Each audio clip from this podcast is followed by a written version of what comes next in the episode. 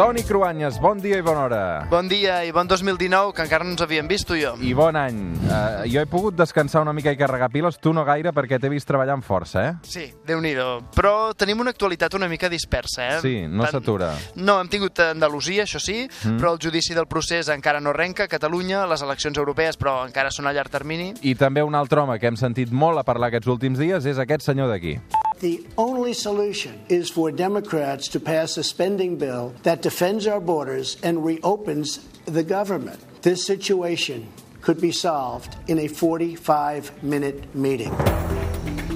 Donald Trump continua bloquejant el pressupost federal dels Estats Units perquè no li volen aprovar la partida pressupostària del famós mur amb Mèxic. Recordem que tot això és una promesa electoral i que si no la compleix el seu electorat, eh, si més no, doncs eh, s'enfadarà.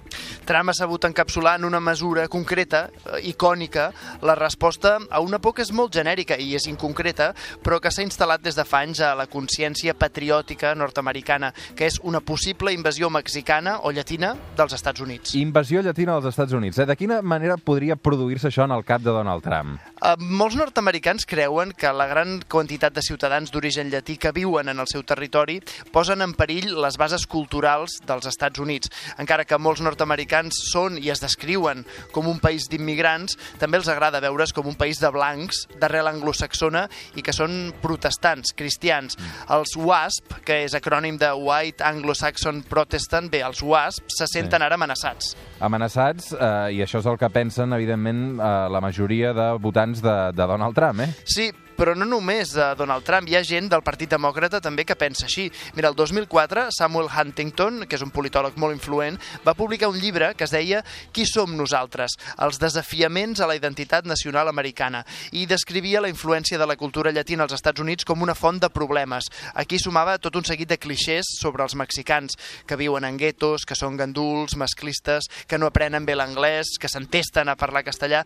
També les ràdios nord-americanes se sent cada vegada més el reggaeton Y si el pueblo pide, no se lo va a negar. Clitxers racistes totalment falsos.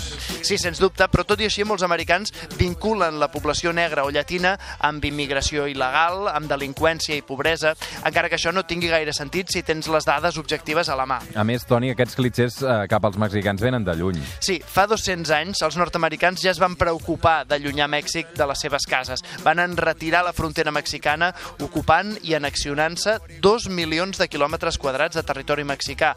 Refresquem la història de la Guerra de Mèxic i els Estats Units del 1845 que això potser ens ajudarà a entendre millor la paranoia del mur de Donald Trump. Doncs va, dos milions de quilòmetres quadrats, que tot això vol dir molt i molt i molt territori. Moltíssim, perquè de fet era la meitat del país, Mèxic, quan es va independitzar d'Espanya, comptava amb els actuals estats nord-americans de Califòrnia, Nevada, Utah, Nou Mèxic i Texas, i també bona part d'Arizona, Colorado, Wyoming, Kansas i Oklahoma.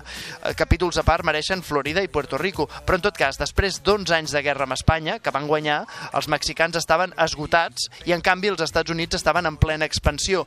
Havien posat en marxa l'aventura del Far West, al sud contra els mexicans i al nord contra els indis. De fet, els cowboys i els pistolers van massacrar els indis al nord, però amb els mexicans el govern de Washington va optar per la negociació. Sí, una negociació malintencionada. Van infiltrar-se, van fer acords amb els líders regionals del nord, del que aleshores eren els Estats Units de Mèxic. Un cas abans és el de Texas, que s'havia declarat independent el 1836, després de mesos de guerra amb Mèxic. En realitat, els texans el que volien era formar part dels Estats Units d'Amèrica, però seguien sent un estat esclavista i els nord-americans ho havien prohibit just uns anys abans. Els plans dels Estats Units anaven una mica més enllà de Texas. Sí, van intentar negociar la compra de l'Alta Califòrnia, que és l'actual Califòrnia, i de Nou Mèxic, però no va fructificar. Aleshores es van voler negociar també la configuració de la frontera amb més detall, però tampoc no hi va haver acord. Amb aquelles disputes, els nord-americans van enviar-hi soldats per, aparentment, protegir els ciutadans texans, però, en el fons, van mobilitzar-se per declarar la guerra a Mèxic, una guerra que van lluitar per terra i mar, ja que van entrar al golf de Mèxic i també també van bloquejar els ports mexicans del Pacífic. Quant temps va durar aquesta guerra, Toni? Dos anys i la van perdre els mexicans. El país va perdre la meitat del seu territori nacional i fins i tot els seus ciutadans van perdre drets i propietats als Estats Units al llarg dels anys següents. La prova de com es va viure aquesta guerra en l'imaginari col·lectiu és que els americans en van fer pel·lícules èpiques, mentre que els mexicans en van fer ranxeres molt nostàlgiques. lo alto de la abrupta serranía, acampado se encontraba